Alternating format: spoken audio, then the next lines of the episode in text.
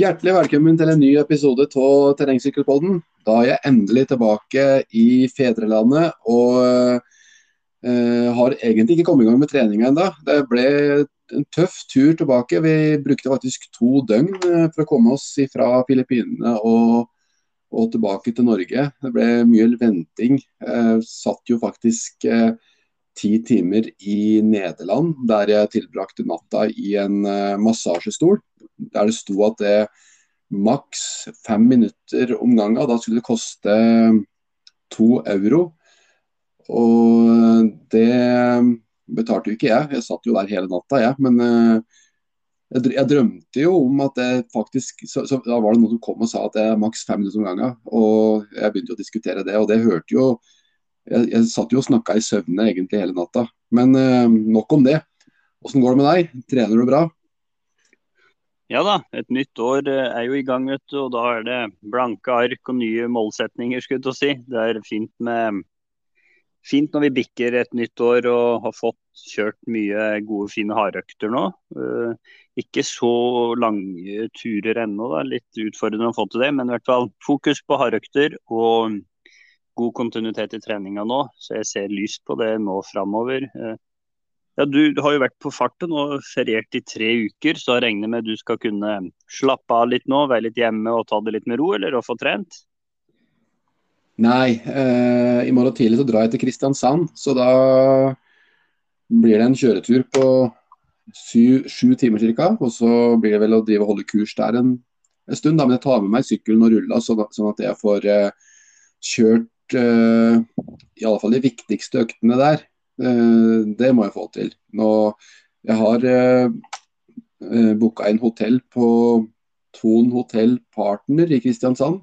og Der har de uh, treningsrom, så da skal vi se om jeg klarer å få med meg rulla inn dit og få kjørt noen gode økter når jeg er der. Ja, høres jo bra ut det. Det blir mindre med skitrening på deg denne vinteren her, da skjønner jeg? Ja, det blir jo så mye farting fram og tilbake. og planen var å kjøre eh, noen langturer den helga her på ski. Men eh, det har jo snødd og regna, og eh, løypemaskina den eh, sliter jo med kondens og har jo ikke fått, gått, eh, fått starta skikkelig. Så den, den har ikke gått. Og, og, i tillegg så ble jeg litt skral på slutten av den turen i Filippinene. Så da har jeg faktisk bare slappa av i helga. I morgen så blir det reisedag og jobbing. Og tirsdag, tenker jeg. Da, da, er vi i gang. Ja, Det høres jo bra ut. Ehm, men ser det roligere ut framover etter det? ja? Nei, da Nei da. Jo, det blir roligere etter det. Så det blir en uh, litt tøff start etter, uh, etter ferien. Og så, og så, blir det Da blir jeg hjemme igjen resten av måneden her. Så da tenker jeg at det blir tid til noen langturer på ski og, og litt andre ting vi må jo bare tolerere at det er sånn, i påvente at vi blir uh, proffe terrengsyklister. Uh, ja. Så du forresten at uh, Ole Hem har fått kontrakt med et nytt team, eller? Ja, det er jo helt rått. Så det er jo vel fortjent, det. Ja, var litt nysgjerrig på det her etter at uh, hans uh, opprinnelige team skulle legges ned, om det, hva som da skjedde. Så det var gledelig å se at han hadde fått kontrakt med nå Cannondale og blir recycler på Cannondale da, i sesongen som kommer. Vi får mm. prøve å ta en prat med han hvis vi får tak på han igjen og høre hva han tenker om uh, teamskiftet. Ja, så lenge han sykler på Cannondale, så tenker jeg at da, da har de ikke lave målsetninger. Det er jo et toppmerke, så jeg vil tro at eh, de, eh, de måla de har satt seg for eh, sesongen, de er relativt høye. Så jeg har veldig lyst til å få en prat med Ole og høre hva, hva han sier. Ja, Vi må prøve å få til det. det. Det er jo Denne uka så er jo siste episoden i vår lille miniserie da, med Tor Gottaas. og vi må jo bare si tusen takk igjen da til Tor for at han tok seg turen og hjalp oss med det her. I, forbindelse med at du skulle være borte på ferie mm. lenge. Og mm. vi skal jo prate litt med han om forskjellige ting egentlig den gangen her. Litt varmetrening, eh, trening generelt fra gammelt av. Og også litt opp imot dagens trening, da. Hva som fungerer og ikke.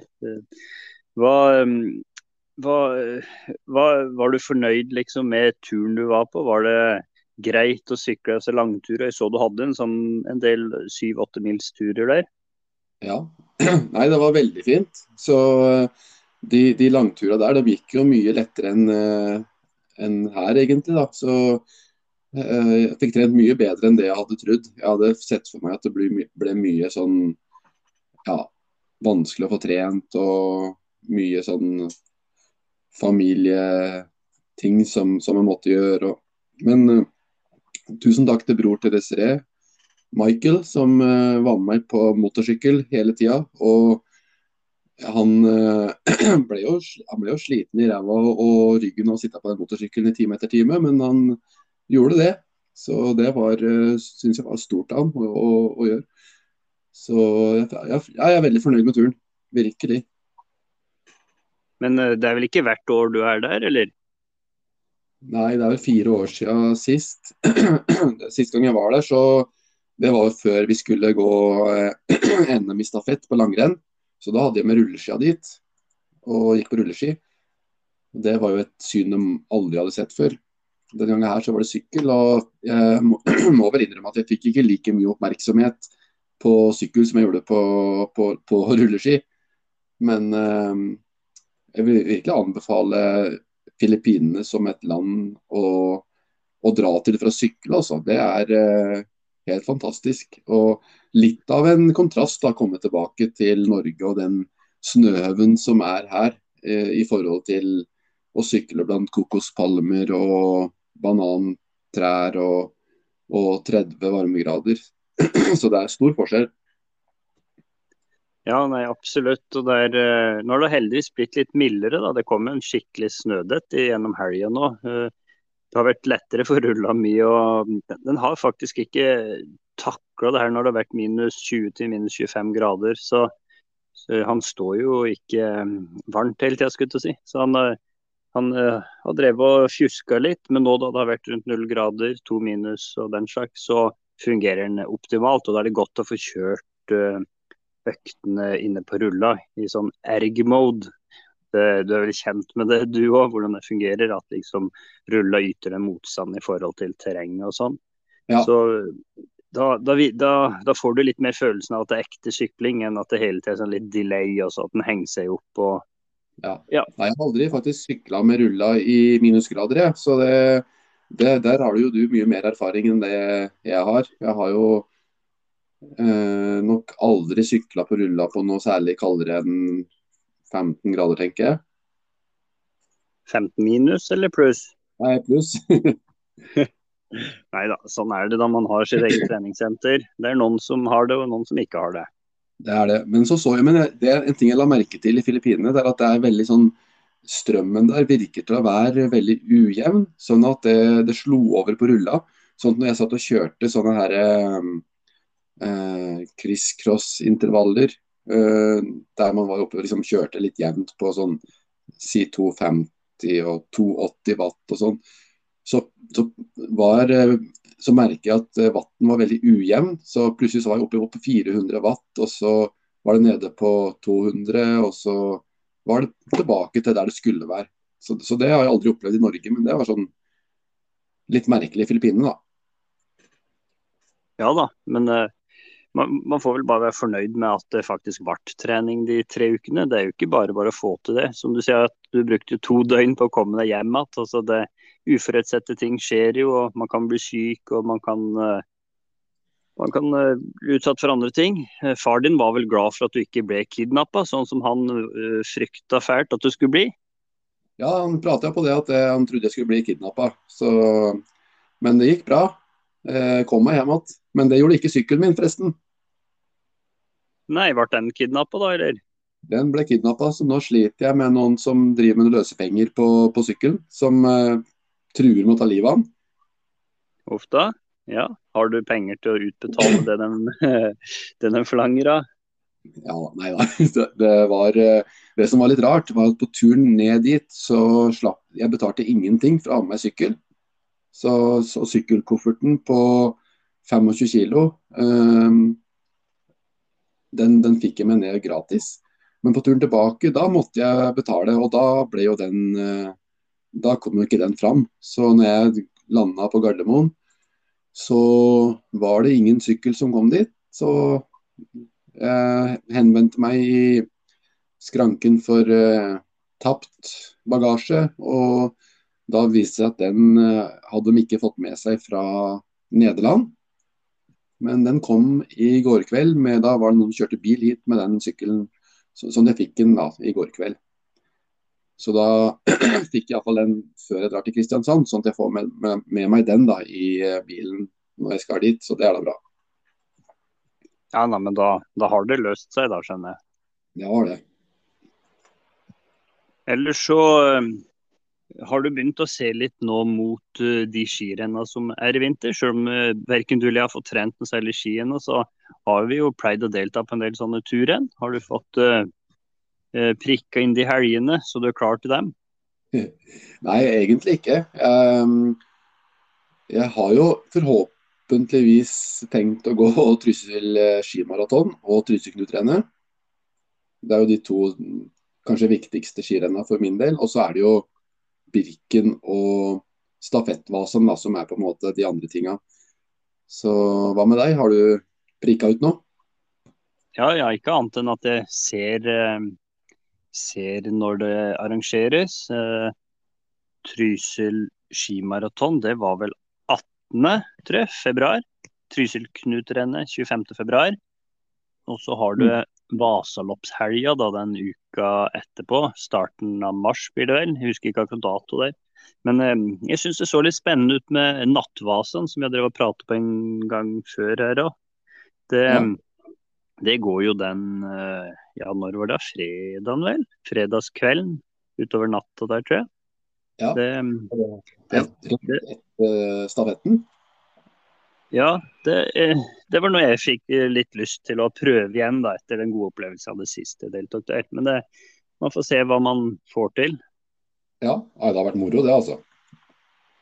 Det er jo parklasse, og man kan jo Det er jo valgfri eh, stilart, så man kan jo stake eller skøyte eller gå klassisk hvis man vil det, da. Det, jeg vil vel si at sånn 95% skøyter.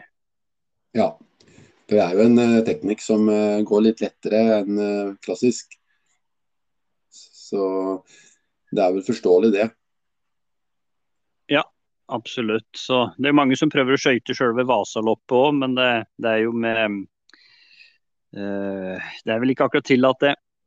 Nei da, det er mange som står ute og passer på. Så de står der med sånn notatblokk og skriver ned startnummer på dem som skøyter.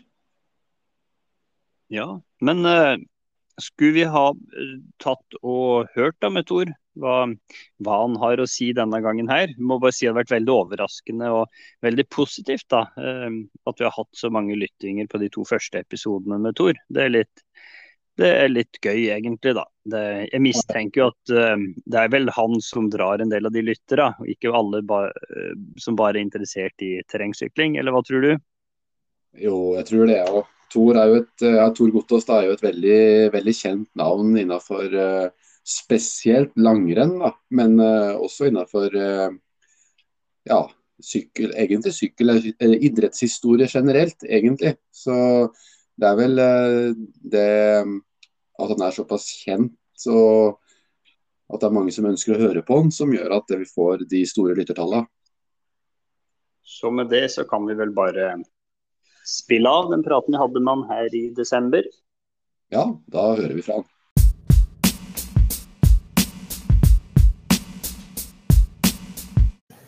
Ja, da har vi igjen med oss en uh, Tor Gotas. Hallo. Hallo, hallo. Tenkte vi skulle prate litt om uh, noe vi har tatt opp flere ganger i episoden. Uh, varmetrening. Ja. det er jo et spennende tema.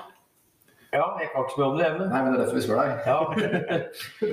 Nei, uh, vi har jo snakka litt om eh, dette med badstue. Altså med å, å kunne bruke badstue som et treningsverktøy. Og jeg har hørt om flere som har gjort det opp gjennom tida. Du viste jo nettopp et bilde av Oddvar Brå og Harry Kirvisnemi. Så det ser, det ser jo ut som at det, en del utholdenhetsutøvere har vært glad i å, å bruke badstuer. Finske løpere brukte tidligere at badstuelandet framfor noen er jo Finland. og vet at finske langrennsløpere som kom opp på 20-tallet, de brukte badstue bevisst. Både på, ja, i hverdagen, men på samling. Og Mito, f.eks. Joa, som var god på 70-80-tallet, han tok badstue hver eneste dag, sa han. Mm. Hver eneste dag. Mm. Og er du i Finland, så er det jo badstuer overalt. Med strøm gjerne, men og med ved. Så badstue med ved det er bra. Og på 30-tallet så var det en del norske løpere som begynte å badstue, bl.a. en som het Trygve Brodal. Han ble han var født i 1905, en av åtte søsken. Han arva jo naken for Skiforeningen, han hadde ganske stor kølle, ble det sagt. Arva naken. Og gikk i gummistøvler og tok badstue, så han var badstuepioner. Og Brodal badstue kom etter krigen. Mm. Men det var noe som kom på 30-tallet i Norge, at skiløpere de skulle ta badstue. Det var viktig for hygienen. I Alvdal så brukte så var det badstue oppe i Piperud. Jeg skrev bok om skisporten i Alvdal. Der var det masse badstuekultur. For de hadde ikke dusj, du, folk. Så hvis du lå og trente, så var det å ta badstue bra, for at folk hadde ikke innlagt vann. Da var badstue veldig fint. Så det har vært brukt særlig i Finland, men det- ble mer bevissthet om Norge på 30-tallet, og særlig like etter krigen. Så det er brukt mye, men kanskje ikke på den måten det brukes i dag. For det er jo forskjellige varianter av badstue i dag. Men, men, eh, men det å ta badstue Finner som kom til Finnskogen, de hadde jo gjerne Badstue var gjerne først de bygde. De, de sådde jo rug i De hadde jo svedjebruk. Sådde jo ble sagt at de hadde med seg rug og så ei ku. Og så sådde de brant ned skogen og sådde rug i svedjebruk, altså i rug i aska. Det ga veldig mye avling.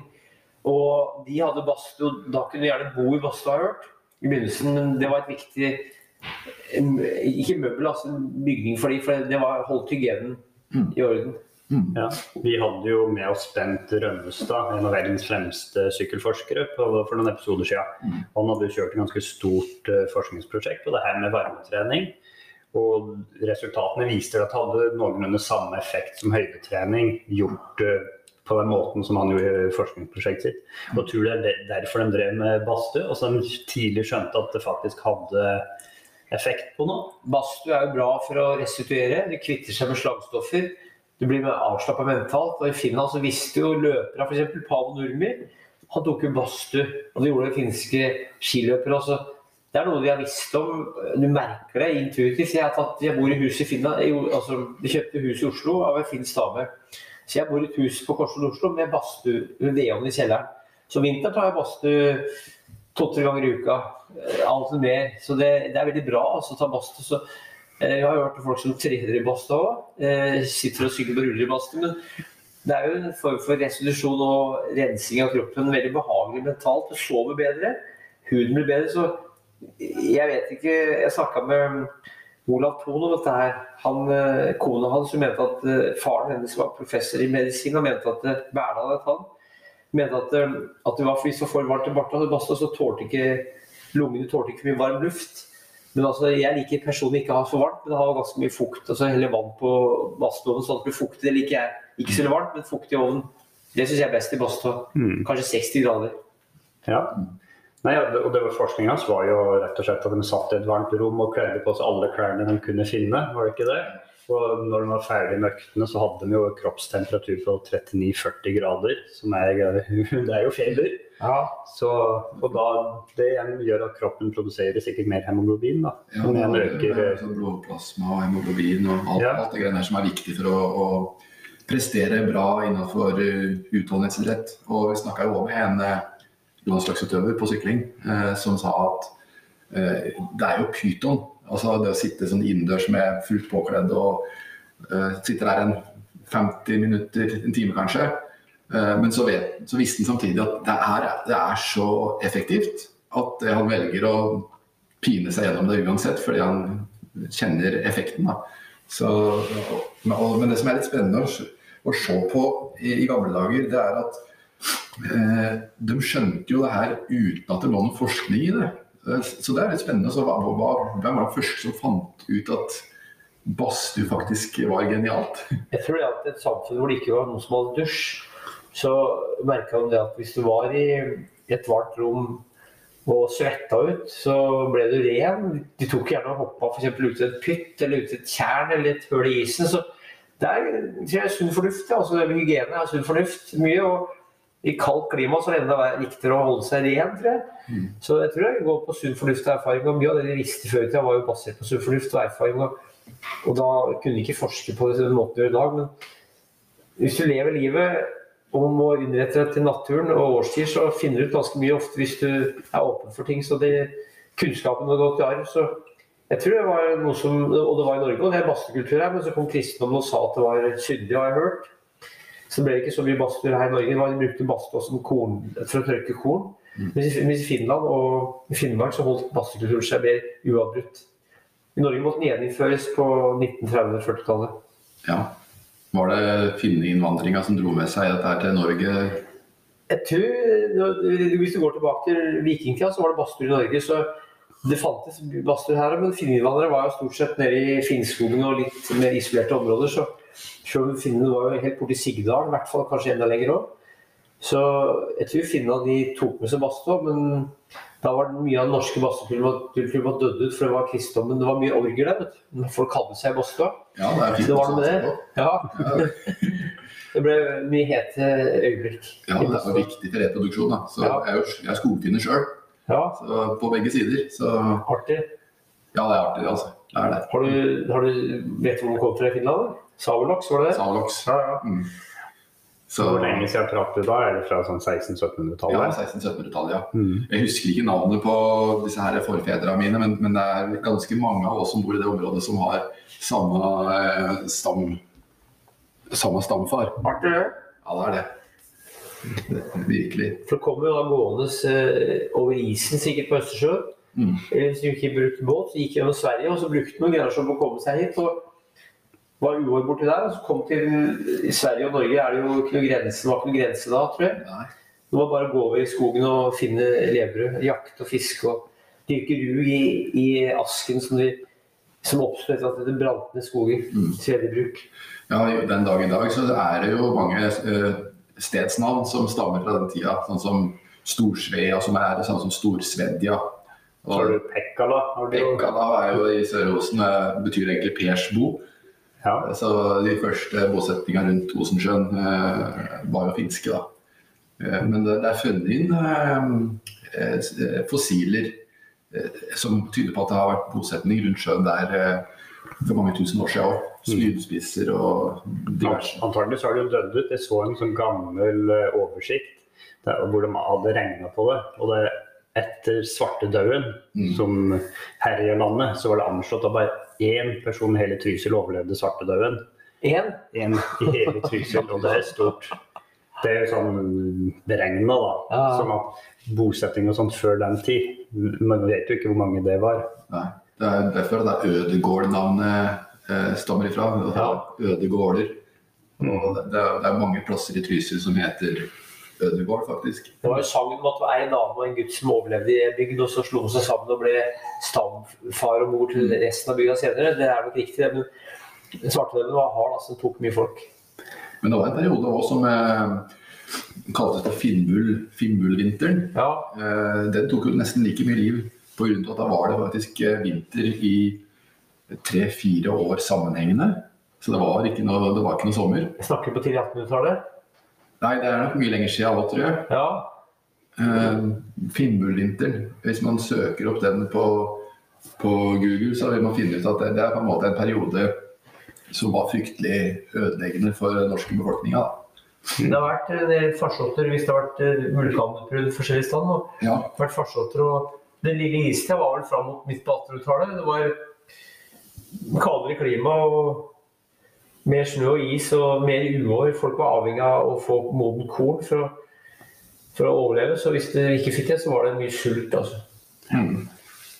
Ja. Det var fram mot 18, ut på 1800-tallet. Lille istida. Hvordan tror du det her med at det blir mindre Det virker som det blir mindre og mindre snø egentlig for hvert eh, år, og de prognosene viser at du må ha stadig høyere og høyere over havet for at det skal være tidlig snø. Og hvordan tror du det påvirker skiidretten i Norge? Nei, altså, Farmen målte jo temperaturen og snøen i Brumunddal fra 1971 til han gikk bort i fjor, 2021. Så det er klart at det er negativt, det. Og det er markant forskjell i Oslomarka òg. Mange steder i Norge hvor det er mye snø, bor det ikke så mye folk. Det er på fjellet, det bor ikke så mye folk der. Så det er helt sikkert eh, negativt for skisporten, men ikke ennå, tror jeg. Men det som er forskjellen, er at mange steder så tror jeg det regner i stedet for snø. Hvis det, ofte så er det ganske mildt når det kommer nedbør på vinteren. At det da regner for snø, så er forskjellen stor. altså I Vestfold og Østfold og andre plasser hvor det kanskje vil være snø mye mer. Så det er ikke bra for skisporten.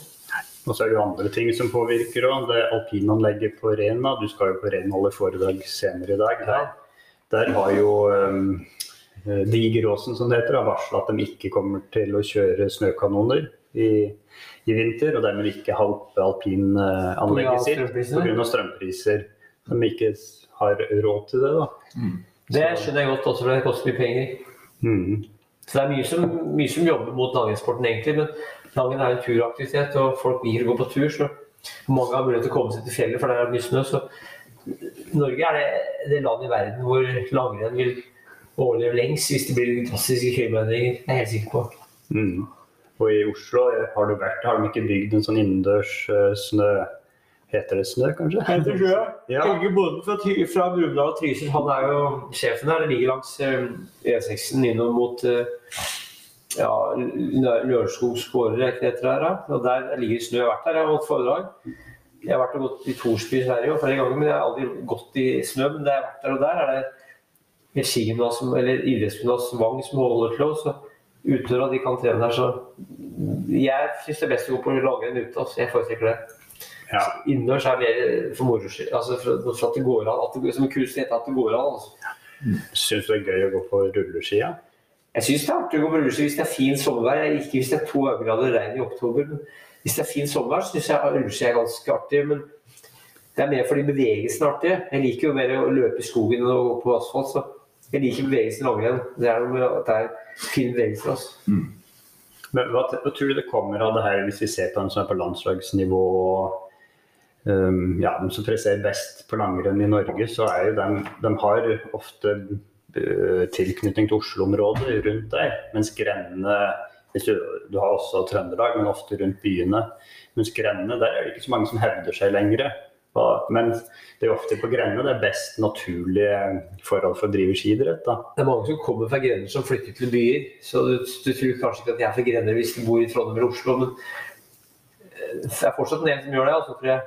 Eh, de går kanskje med stor klubb og eh, Nei, altså i Oslo så er det veldig bra organisert. Kjelsås er bra klubb. Du har Fossum, du har Røa, du har Rustad, du har Heming, du har Njål. Altså gode klubber. Så det er store miljøer. og På bygda så er det lettere å bli alene, tror jeg. og Norge er et lite land, det bor, det bor ikke så mange folk i Norge, så miljøene er, er fordeler å ha bra miljø hvis du er langrennssløper. det er noe med at eh, langrenn er veldig sammensatt idrett som krever mye ressurser. Både løyper, to stilarter, smøring, prepping. Det krever en god del. I løping kan du bare ta på, på, på joggesko og løpe, mens langrenn er sammensatt. og Da trenger du ofte hjelpepersoner mm. for at du skal bli veldig god. Altså. Og trenerkompetanse, ja, ja. ikke minst. Ja, at de store klubbene kanskje kan knytte til seg kompetente folk. da. Mm. Det er gjort en del forskning på fysisk aktivitet blant barn og unge, eh, om det er forskjell blant, mellom by og land på akkurat det greiene der.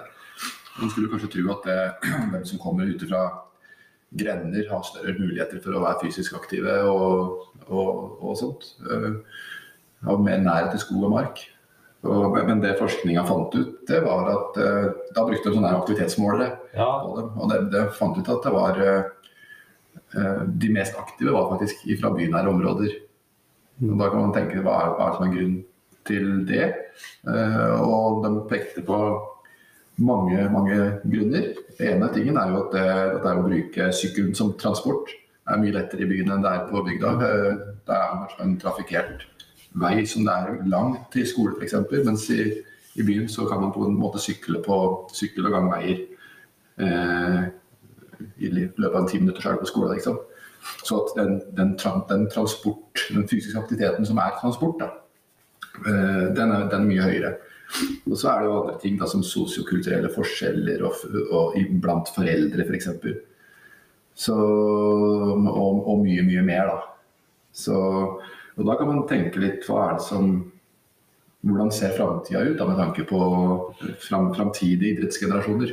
Jeg tror langrenn vil overleve. og Langrenn er så populært i Norge, står så sterkt. Tradisjonen er så sterk at det å bli god det er mange som vil ha interesse av. det. men i og med at det er to stilarter og veldig krevende for du, du kan ikke bli langrennsløper hvis du ikke har noen som prepper sida di bra. for De beste gjør ikke det sjøl, så du må ha en far eller onkel eller er mor som prepper ski.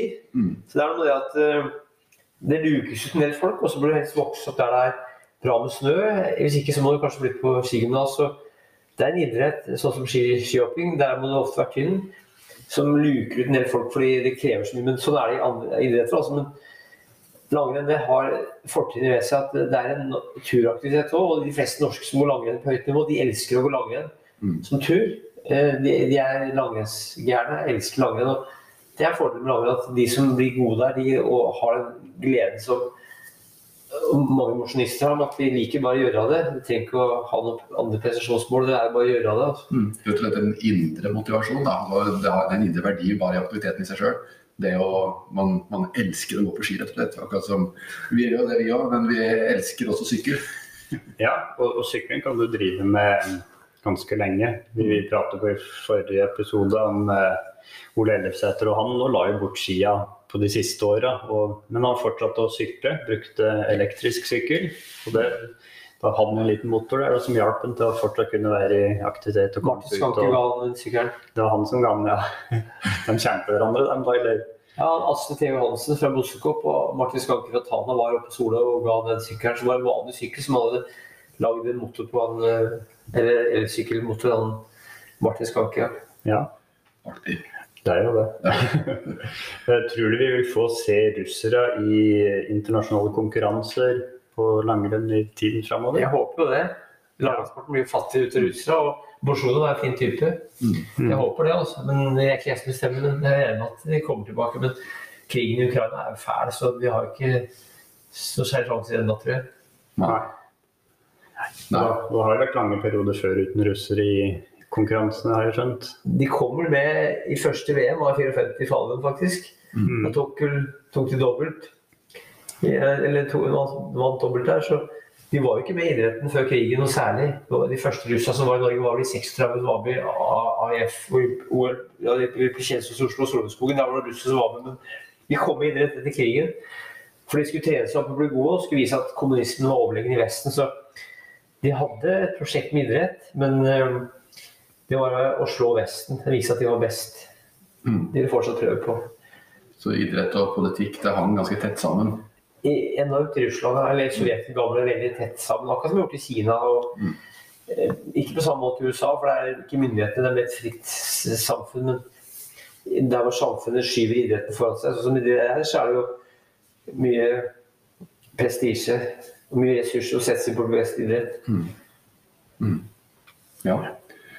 Ja nei, eh, det, du skal jo på et nytt uh, foredrag. Du skal rekke en buss som går om eh, et tog som går om tolv minutter, og det, der skal du prøve å sove litt. Ja. Så vi får egentlig bare si hjertelig tusen takk igjen for at du har vært med oss på det her. Det er alltid utrolig moro å snakke med deg. I måte.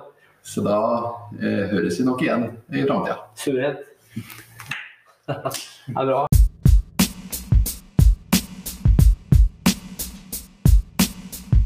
Yes, det er alltid like spennende å prate med en uh, Tor. En, en ting som jeg bet litt merke i, det var det her med hva som, hva som skal til for oss å nå det aller høyeste, høyeste nivå. Og det ser ut som en fellesnevner kanskje er denne her eh, lange, lange turen, minst én gang i uka.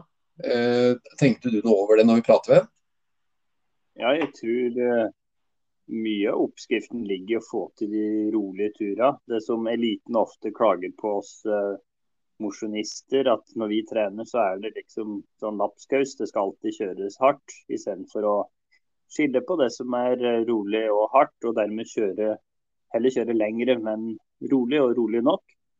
Det, Mm. Jeg tror nok det er mye, mye fornuft i det, siden det har fungert i så mange år. Ja, det ser ut som det fungerer egentlig uansett hvilken idrett man eh, I alle fall når det gjelder utholdenhetsidrett, da, så, så ser det ut som at det er en sånn fellesnevner. At det, man trenger den lange, lange turen. Og, og det husker jeg når vi snakker med Rune Høydahl for uh, noen måneder siden òg, så var jo det en av de nøkkeløktene. At, at man fikk til en tre-fire timers uh, turen. Og jeg, jeg husker jeg spurte Tor om uh, Tor Gotaas om eh, det her med den lange turen. og, og jeg, jeg, spurte om, at, om det var en sånn fellesnevner, at det var den lange lange turen som på en måte var veldig viktig. og, og da, da, da, husker jeg at han viste tommelen opp, at det, det var det. Så da, da vet vi hva vi har å gjøre. Ja, men dessverre så er både du og jeg denne berykte, berykta tidsklemma. da, sånn at eh, det er ofte den rolige langturen som det er lettest å skulke unna, dessverre. Man bør vel kanskje, om man ikke klarer hver uke, da, med å sette sitt mål at man får til en eh, rolig langtur annenhver uke eller én gang i måneden. eller at, at man ikke nødvendigvis eh, må legge lista så høyt så man blir skuffa. Eh, som man fort kan bli da, hvis man tenker at man skal få til en sånn skikkelig langtur en gang i uka. Det blir mm. vel vanskelig for meg, i hvert fall, og det tror jeg det blir for deg òg, å få til det som regelmessig gjennom året. Ja, det er litt vanskelig. Men uh, husker du vi snakker med han, uh, han uh, Ole Rekdal? Ja. Han, han, sa jo det at hvert døgn inneholder jo 24 timer. Og det er ganske mange timer, da. Det er absolutt det. Som med god struktur og en god plan på alt, så er, ikke, eh, er alt mulig. Men eh, det er, jo, det er jo som sagt mye som krever sitt. Og uh, man får til det man vil. Sånn er det jo, selvsagt. Ja, det er nok mye det det handler om, tror jeg. At man får til det man vil. Og uh, men, men er, sånn er det for meg òg. Dette med den rolige langturen. Man, man, man tenker ofte sånn at det, man må i hvert fall prøve å få til de intervalløktene, at det er nøkkeløkter og de viktigste øktene. At man, at man får til dem. Uh, og så tenker man kanskje litt sånn at den rolige, lange turen, det er liksom Det, det, det gir jo ingenting, liksom. Men, eh, men, men, det er jo feil. Det er jo de lange Altså den turen du tar som på en måte varer over tre timer, det er nok en av de øktene som kanskje gir, om ikke mest, så er det en veldig viktig økt. da. Ja, nei, absolutt. Så uh, sånn som jeg tenker på, da, at det er i hvert fall lettere når, uh, når, det blir bare veier og litt bedre temperatur. Da er det fint å få til sånne gode, lange turer. Uh, og så vet jeg at alle de her som er i utlandet og sykler på Gran Canaria og rundt omkring, de får har gode muligheter da, til å få til disse turene der. Så, men det har jo vært, selv om terrengsykkelrittet er litt nede for tida, men det, det, er jo snart så det blir noen ritt rundt omkring i Spania og sånn òg. Men det med cyclocross, det driver fortsatt på. Har, har ikke du fulgt med på um, ritt, uh, verdenscupritt der i dag, eller? Jo, jeg satt og fulgte med på det bare for en ja, time siden. Da har det vært eh, verdenscupritt i eh, Ja, hvor var den, da? Eh, akkurat hvor det var den, er kanskje ikke eh, så viktig, men, men, det var i hvert fall en bane som eh, Jeg husker jeg snakka med faren min, at han sa at det, på Trysilknutrittet, eh, der prøver vi å passe på at det, det blir minst mulig vanskeligheter for rytterne. Men på det rittet her så, så det ut som man hadde lagt inn mest mulig vanskeligheter for rytterne. For det var jo sand, det var jo sandgroper og bratte bakker og masse løping. og Det så jo ganske tøft ut.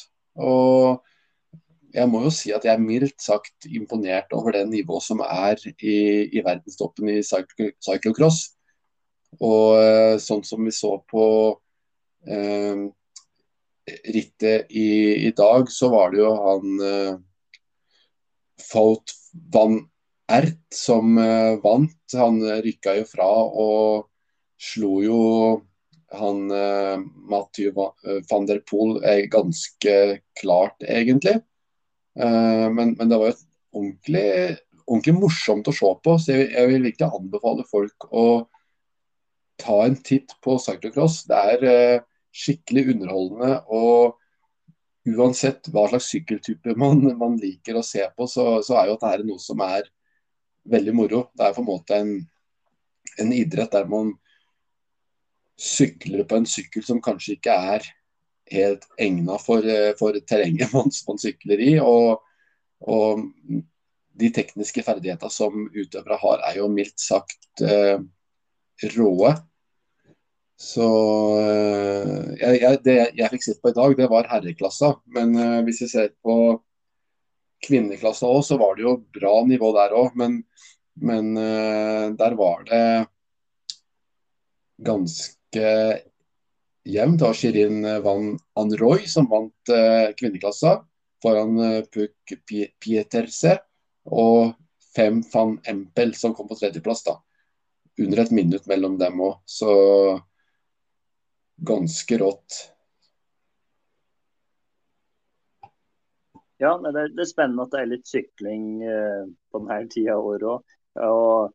Jeg vet ikke om du har fått med deg denne veldig store nyheten som kan få veldig store konsekvenser for norsk sykling i årene framover. Jeg vet ikke helt om du skjønner hva jeg sikter til, men det er det her med at uh, UnoX har fått tilbud om og skal delta i Tour de France til sommeren. Oi! Kødder du? UnoX skal gjøre det? Ja, så det, det, her har eh, vanvittig store konsekvenser for norsk sykling. Eh, det er jo et lag som har plukka opp mye norske talenter de siste åra.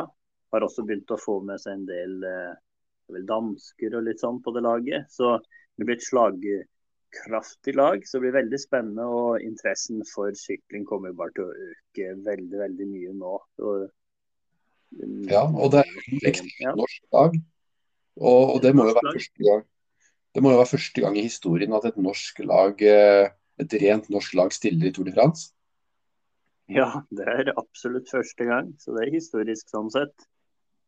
Så, og, og, hva det har å si for uh, både interesse for sykling og rekruttering mot sykling, det, det må jo være uh, mildt sagt enormt.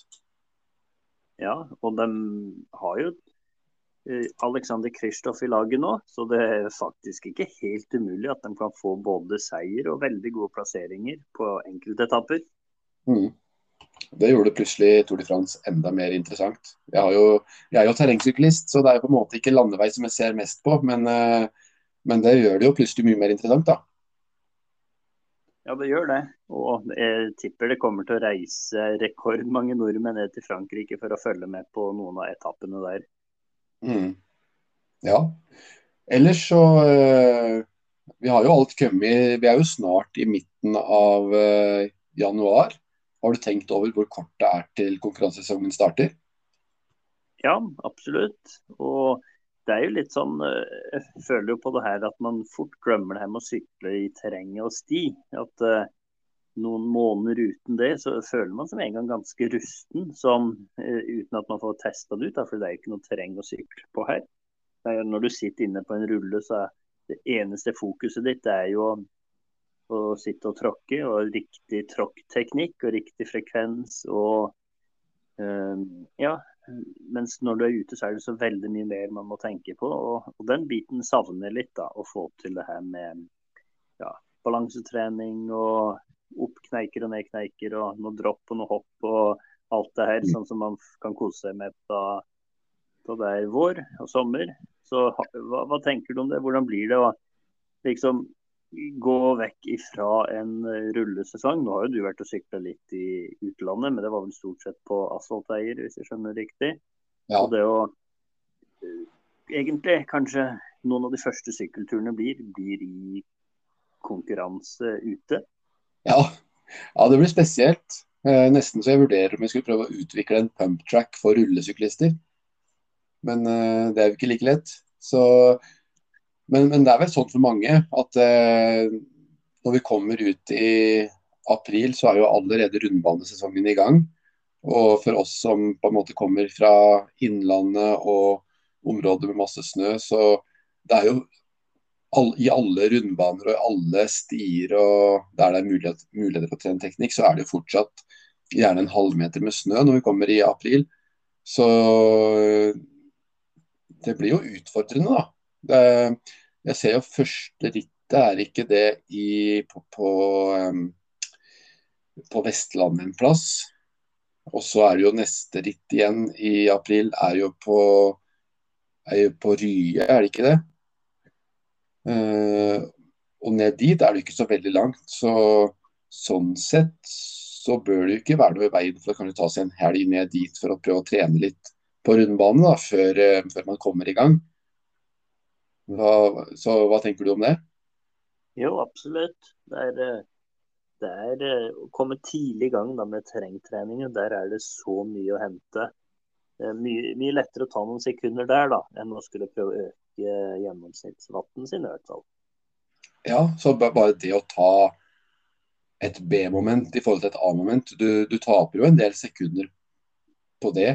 Uh, Iallfall hvis du uh, i utgangspunktet er teknisk relativt god, da. Uh, og du kommer liksom rett ifra rullesesong, og så, og så føler du deg litt rusten på, på teknikken og tar B-moment i stedet for A-moment, så taper du fort en ja, gjerne ti sekunder. Så uh, Nei, det blir spennende. Og NM er jo allerede i mai på, i Trondheim. Er det ikke Nilsbyen det heter der? Jo, stemmer det. Nilsbyen uh, terrengsykkelpark, heter det? Ja. Og det er jo fortsatt veldig veldig tidlig i sesongen for, uh, for områder av Norge der det er, er snø. da. Så, sånn sett så, så jeg kunne gjerne tenkt meg at NM var litt, litt senere, egentlig? Ja, absolutt. Sånn, kanskje det hadde økt interessen og deltakelsen litt òg, hvis man hadde fått uh, arrangert de her rittene litt senere på året, hvor flere rett og slett har fått uh, lagt ned litt trening. Men sånn er det jo. Det er veldig bra at, uh, at de klarer å tiltrekke seg arrangører. At Sykkelforbundet får til det. og at klubbene støtter opp om det. Så vi må vel gjøre vårt vi òg for å prøve å fronte det her gjennom podkasten vår, tenker jeg. Ja, vi må det. Så nei, men det blir, det blir en spennende sesong. Eh, det gjør det virkelig.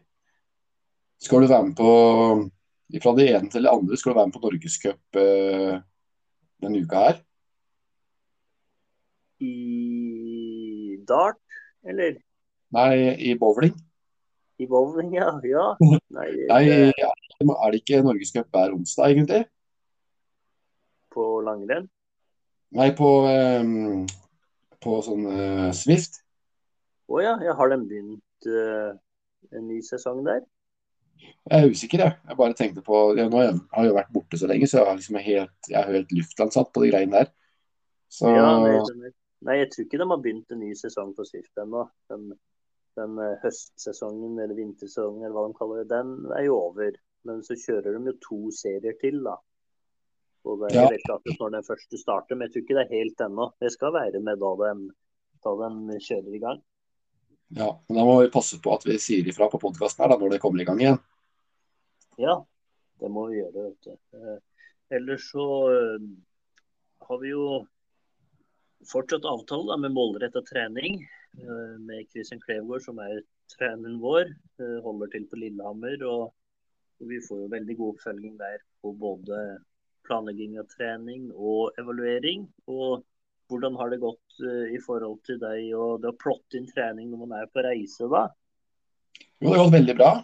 Uh, han har jo anbefalt meg å få til mest mulig uh, volum da, når jeg har vært i utlandet og fått uh, trent på ja, trent på barmark og i fine forhold.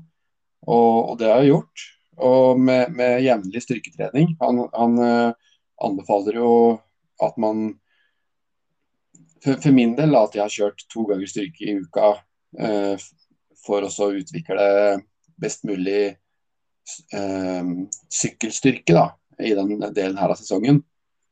Og mens jeg var i Filippinene, så var det på en måte å få vedlikeholde mest mulig. Så nei, jeg er, veldig, jeg er veldig, veldig fornøyd. Og jeg, jeg, føler virkelig at det her er veldig nyttig for meg, da. Ja, det er jeg helt enig i. Dere hadde ikke klart å trene så systematisk og med så god kontinuitet, og særlig det her med hardøkter, for min del. Um, enkelte øktene føles jo litt som ja, jeg vil nesten si som uh, vanlig ritt, som man kjører turritt, altså. Man kjører på i sesongen. Så mm at dette er god trening, det er det ingen tvil om. Nei, nei, det er helt, helt enig i. Så det blir spennende neste gang vi kjører tester, da, og se hvordan det blir med framgang der. Det blir veldig spennende. Jeg kjørte sjøl en tre ganger 18 minutter her om dagen hvor jeg fikk satt en ny sånn Hva er det det heter, da? Med um, gjennomsnittspuls på over en time. Så uh, jeg tror det går riktig vei, altså. Men jeg er veldig spent. De man begynner å grue seg litt til de sjølve de all out 20-minutters-testene, da. Men samtidig en veldig god følelse når man er ferdig. Ja, ja den er tøff. Den er uh, mildt sagt uh, et helvete. Men uh, det er veldig greit å ha, ha de målingene for å se at formen øker. Og, og, det er motiverende å se at den treninga man legger ned, faktisk gir resultater. Både på terskelwatt og på eh, de andre testene der vi på en måte kjører maks i, i fem minutter og i ett minutt og i 30 sekunder. Så, så ser vi jo at det øker på det, eh, Resultatet øker på alle tester. Ja, så det, det, er vel ikke lenge før vi skal ta en ny sånn test, tenker jeg. Så vi kommer vel tilbake til mer fra det. Ellers så håper vi å få til mye gode episoder nå framover med veldig mye sykkelrelatert stoff. Eh, både kanskje litt historisk i forhold til sykling og i forhold til en del events som skal skje. Men uh, vi, vi, vi, får ta en uke om gangen, og vi er jo tilbake allerede neste uke. Er det noe mer du vil uh, føye til før vi avslutter denne uka òg? Nei da, vi har uh, vært i kontakt med mange veldig mange interessante uh, personer som, uh, som, vi skal snakke med på kommende episoder. Så det gleder jeg meg veldig til. Så, men, men inn, inntil da så, så, får vi bare ønske folk en, en riktig god uke på sykkelsetet og, og, og, på andre seter, skulle jeg si. Så da, da, får man bare si at vi snakkes igjen til mandag, og så høres vi da.